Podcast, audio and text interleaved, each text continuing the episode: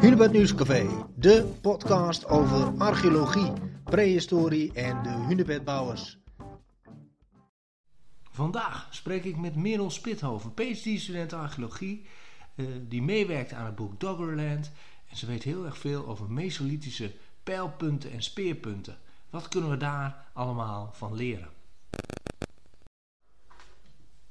Uh, Merel, fijn uh, dat je even tijd neemt om, uh, om deel te nemen aan onze podcast. Jij hebt meegewerkt aan het project rondom Doggerland. wat was eigenlijk precies jouw, jouw functie daarin? Ja, ik ben nu net in februari begonnen als PhD-student aan de Rijksuniversiteit Groningen in samenwerking met de Universiteit Leiden. Mhm. En daar ga ik mij voornamelijk focussen op de relatie tussen de mens en het edelhert. Oké. Mhm. En wij kijken dan naar postglaciaal Doggerland. Dus dan hebben we het over Doggerland uh, na de laatste ijstijd. Ja. En uh, waar ik voornamelijk naar ga kijken zijn uh, spitsen gemaakt van been en gewei. Ja. En we hebben het dan over de punten van bijvoorbeeld pijlen en speren. Mm En wat ik daaraan wil onderzoeken is hoe deze spitsen mogelijk een reactie zijn geweest op de klimaatverandering in Doggerland. Oké. Eh, wat is er uh, tot op heden al bekend over deze spitsen? Um, er is op zich is er best wel wat bekend. Mm Het is gestart uh, met een onderzoek van Leo van Hart in 1986 uit mijn hoofd. Kijk. En daar ben ik in mijn bachelor in 2015 mee verder gegaan. Mm -hmm. Er zit een hele gap tussen eigenlijk. Ja. Er waren toen zo'n 400 spitsen gedocumenteerd, waarbij ik er nog ongeveer zo'n 450 bij heb gedocumenteerd. Okay. En het belangrijke hierbij is dat deze spitsen um, verspreid zijn over niet zozeer musea, maar voornamelijk privéverzamelaars. Het publiek tegelijk kan trekken bij archeologie. Ja. Zij hebben al iets thuis liggen en ze willen graag het verhaal hierachter weten. Ja. En dat is waar ik naar op zoek ben gegaan, het verhaal achter deze spitsen. Daarbij ben ik helemaal begonnen met welke grondstof wordt er gebruikt, tot en met hoe komen ze uiteindelijk in een museum terecht. Ja, oké, heel mooi. Uh, ja, want Doggerland is natuurlijk ook echt wel een, een uh, project dat, waarin veel samenwerkingen zitten uh, met eh, hobbyisten, amateur, archeologen, toch? Ja, ja, zeker. Mm -hmm. Ja, het is vooral bij ons project, het heet Resurfacing Doggerland. Mm -hmm. En dat is een samenwerking tussen heel verschillende instituten, waaronder de Rijksuniversiteit Groningen en het Rijksmuseum van Oudheden. Ja. En wat we hier proberen is het publiek te betrekken bij de archeologie, maar ook een eigen bijdrage te laten doen. Ja, okay. Zo laten ze ook zelf vertellen over wat is jouw verhaal van deze spits, waar heb je hem gevonden en hoe heb jij gezocht en waarom zoek je eigenlijk? Ja, oh mooi. Uh, dus je krijgt ook hele persoonlijke verhalen erbij. Ja, ja zeker. Ik, ik, we noemen dat in de, weer in de museumkant van de archeologie noemen we dat ook wel eens het tweede gebruiksleven van een voorwerp. Oké, okay, ja. Dus na de vondst. Ja, dus na, na, de vondst gaat het eigenlijk opnieuw leven. Want het komt in een vitrine te, leg, te liggen of in een museum. Mm -hmm. Mensen gaan er weer naar kijken, gaan erover praten. En zo komt Doggerland toch weer opnieuw tot leven eigenlijk. Ja. Uh, ja, nee, prachtig. Uh, dus jij hebt eigenlijk het, het, het, onderzoek van Leo van Hart voortgezet, om het, om het maar zo te zeggen. Uh, ja, oké, okay, dus je hebt ook die spitsen onderzocht. Ja, ja, zeker. Kwamen daar nog bijzondere dingen uit? Ja, ik heb verder gekeken naar dan eerst alleen het meten en wat ik op het gezicht kon zien. Ja. Dat, dat heb ik in mijn bachelor gedaan en dat is wat uh, Leo van Hart ook deels gedaan heeft. Mm -hmm. Toen heb ik tijdens mijn bachelor ook gekeken naar verschillende typologieën. Dus zijn er verschillende uh, ontwerpen zeg maar, van een spits. Ja. Mm -hmm. Bijvoorbeeld wil je een meer ovaal hebben of meer vierkant hebben. En daar zaten wel wat verschillen tussen en die heb ik toen gedocumenteerd. Mm -hmm. Maar wat het meest interessante was, was wat ik met mijn masteronderzoek ging doen. Toen ging ik namelijk ze onder de microscoop leggen om te kijken wat er eigenlijk nog meer te zien viel. Aha, en... en dat is toen, toen de echte resultaten boven water kwamen. Ja, want vertel. Het, het interessantste vind ik zijn de gebruikssporen die erop te zien zijn. Mm -hmm. Ik kwam er namelijk achter dat deze spitsen echt heel veel gebruikt zijn. we gingen er, daarvoor gingen er meer van uit dat je hem een paar keer gebruikt, dan breekt hij waarschijnlijk en dan gooi je hem weg. Maar mhm. wat wij hier zien is dat ze, als er een puntje afbrak, dat ze het gewoon gingen herstellen. Okay. En dat is nog steeds zichtbaar. Mhm. Er zitten namelijk kleine weerhaakjes in de spitsen uh, gemaakt. Ja.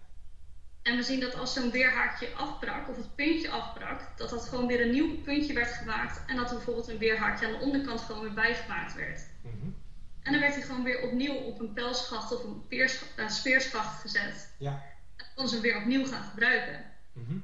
Even voor de luisteraars, uh, hoe, oud zijn, ja, waar, hoe oud zijn die speerpunten en die pijlpunten? Ze zijn ongeveer zo'n 11.000 jaar oud. Ja. Dan hebben we het over middensteentijd, wat we in de archeologie ook wel het Mesolithicum noemen. Ja, nee, perfect. Helemaal goed. Uh, ja, wat uh, dat misschien zegt, is dus, of in elk geval zegt, is dat die punten uh, belangrijk zijn gevonden. Belangrijker dan enkel voor gebruik.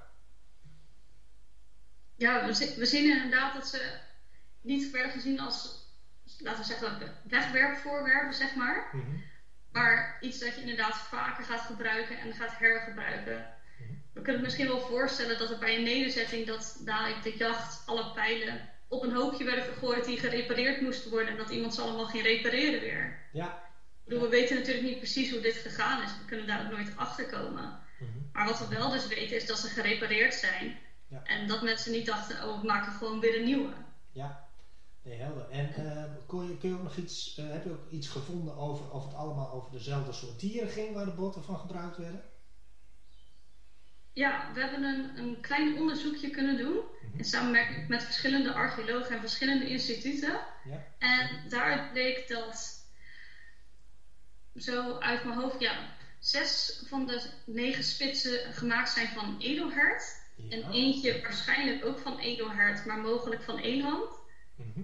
Maar het bijzonderste was dat twee van de negen spitsen gemaakt waren van mensenpot. Van mens? Ja. Ja, en daar, daar schrikken mensen nog wel eens van. Want ja. wij vinden dat gewoon nu niet, niet, voor te stellen. Dat je iemand gebruikt als grondstof, zeg maar. Mhm. nee. Maar we proberen nu dus ook te achterhalen, maar waarom was dit dan? En hebben we nou toevallig bij deze negen spitsen twee mensen eruit gepikt? Mhm. Of werd dit best wel regelmatig gebruikt. Je gaat dan inderdaad denken van, we hebben edelhert en we hebben mens. Mm Edelhert is op zich logisch. Het is ook een bot dat goed tegen impact kan. Dus logisch als gebruikt als pijlpunt of als speerpunt. Ja. Maar een mensbot kan helemaal niet zo goed tegen dit soort dingen. Dus het is niet de logische keuze. Niet het meest geschikte materiaal. Ja. Nee, niet het meest geschikte materiaal. Mhm. En ook niet hetgene dat het meest voorkwam. Maar er kwamen veel meer herten en oerossen en van alles en nog wat meer voor dan mensen. Dus de kans dat je toevallig een mensenbot pakt is ook niet heel groot. Nee. Dus waar we dan een beetje naartoe gaan is, mhm. is het dan misschien symbolisch iets of een ritueel iets? Ja. Misschien was dit wel een bot van een voorouder die heel goed kon jagen bijvoorbeeld. Precies, en dan komt de volgende vraag op, is het dan gebruikt als spelpunt of bijvoorbeeld alleen meegedragen in een pijlenkoker? Ja, ja, exact. Ehm, en uh, ja, dat soort dingen ga jij dus nu in je PhD onderzoeken. Ja, zeker. Mhm. Van wat ik net al zei, we gaan meer kijken naar wat, is de grondstof van deze spitsen. Ja. Vooral om te kijken, aan de ene kant is er inderdaad veel mens gebruikt, maar aan de andere kant ook is er echt een voorkeur voor edelhert. Mm Want we denken dat er wel echt een voorkeur is, omdat um, de mens-edelhert relatie wel echt een ding lijkt te zijn in deze tijd. Mensen lijken meer verbonden met het hert, ze willen er meer op jagen. Er worden rituele hoofdtooien gemaakt, zoals we zien bij een site in Engeland bijvoorbeeld, genaamd Starcar. Nou hebben we dat in Doggerland nog niet gevonden, maar we zien nu dus wel dat heel veel van die spitsen van dit materiaal gemaakt zijn. Oké, ja. Dus uh, dat is natuurlijk dan heel erg interessant om te kijken, ja, hoe zat die relatie precies uh, in elkaar? Ja. Ja, en um, wat ik dus ook verder wil onderzoeken is uh, wat ik zei van of een pijl wel of niet echt gebruikt is. Mm En daarmee ga ik dan aan de ene kant een experiment doen met echt boogschieten, met replica's van deze pijlen. En aan de andere kant ga ik pijlen maken die ik alleen maar ga, uh, ga ronddragen in een pijlenkoker. Om te kijken of ik misschien kan identificeren of die mensen spitsen wel of niet gebruikt zijn. Oké, dus je maakt gebruik van, zoals men dat uh, noemt, experimentele archeologie. Ja, experimentele archeologie inderdaad. Mooi. En dan in combinatie met microscopisch onderzoek, wat wij dan uh, verbruikssporenanalyse noemen. Mm Om dan de sporen te vergelijken die op het archeologisch materiaal zitten en die op mensen zitten. Oké, ja. Um, en uh, daar uh, ben je pas net mee begonnen, toch? Ja, klopt. Ik ben, met mijn PhD ben ik pas in februari begonnen. Mm -hmm. En ik sta nu in de startblok om te gaan beginnen met de experimenten. Ik heb hier al zakjes berkenbast liggen die ik verzameld heb. Allemaal voor experimenten. Okay. Binnenkort ga ik ook brandnetels oogsten om vezels van te maken. Ja. Om dat spits aan te schachten. Mm -hmm.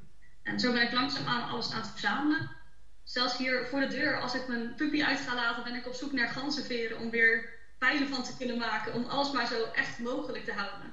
Ja, oké. Okay, het is dus een beetje een dagelijkse bezigheid geworden zo. Jij gaat straks met een, uh, een, uh, een uh, pijlkoker naar, naar de supermarkt.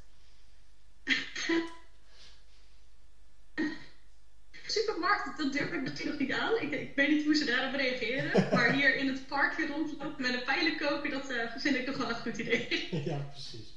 Oké, heel mooi, heel mooi. Um, ja, PhD uh, is over het algemeen uh, natuurlijk meer jaren onderzoek.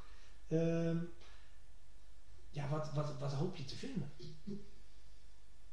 Of wat verwacht je? Wat hoop ik te vinden? Ik hoop een hele hoop te vinden. ja over wat voor grondstoffen de, gemaakt, hoop ik natuurlijk dat er spectaculaire dingen bij zitten, zoals meer mens. Maar bijvoorbeeld ook spitsen gemaakt van berenbot, heb ik al uit andere landen gehoord. Okay. Wat ook wel weer spectaculaire vondst zou zijn als zoiets langskomt. Mm Maar ook het kunnen bewijzen of een pijlpunt wel of niet gebruikt is. Dat zou ook wel fantastisch zijn voor het onderzoek. Ja. Want dat, dat vertelt zoveel meer over een, over een spits. En ja, als ik daarmee ook meer kan vertellen over zo'n uh, spits gemaakt van mensenbot, of die nou wel of niet gebruikt is, dat zou zoveel bijdragen aan de discussie over het gebruik van menselijk bot in die tijd. Ja, ja dat is spannend. Hè? Je zei al, mensen vinden dat sowieso altijd, oeh jee, een mens, uh, mensenbot is gebruikt. Ja, ja. Uh, dat kunnen we ons nu niet meer voorstellen. Ehm, heel mooi. Ehm, hoeveel, ja, wanneer hoop je je PhD klaar te hebben en kunnen we elkaar misschien tussentijds daar nog over spreken? Ja, ik, ik hoop in vier jaar klaar te zijn. Dat, dat is de planning. Mhm.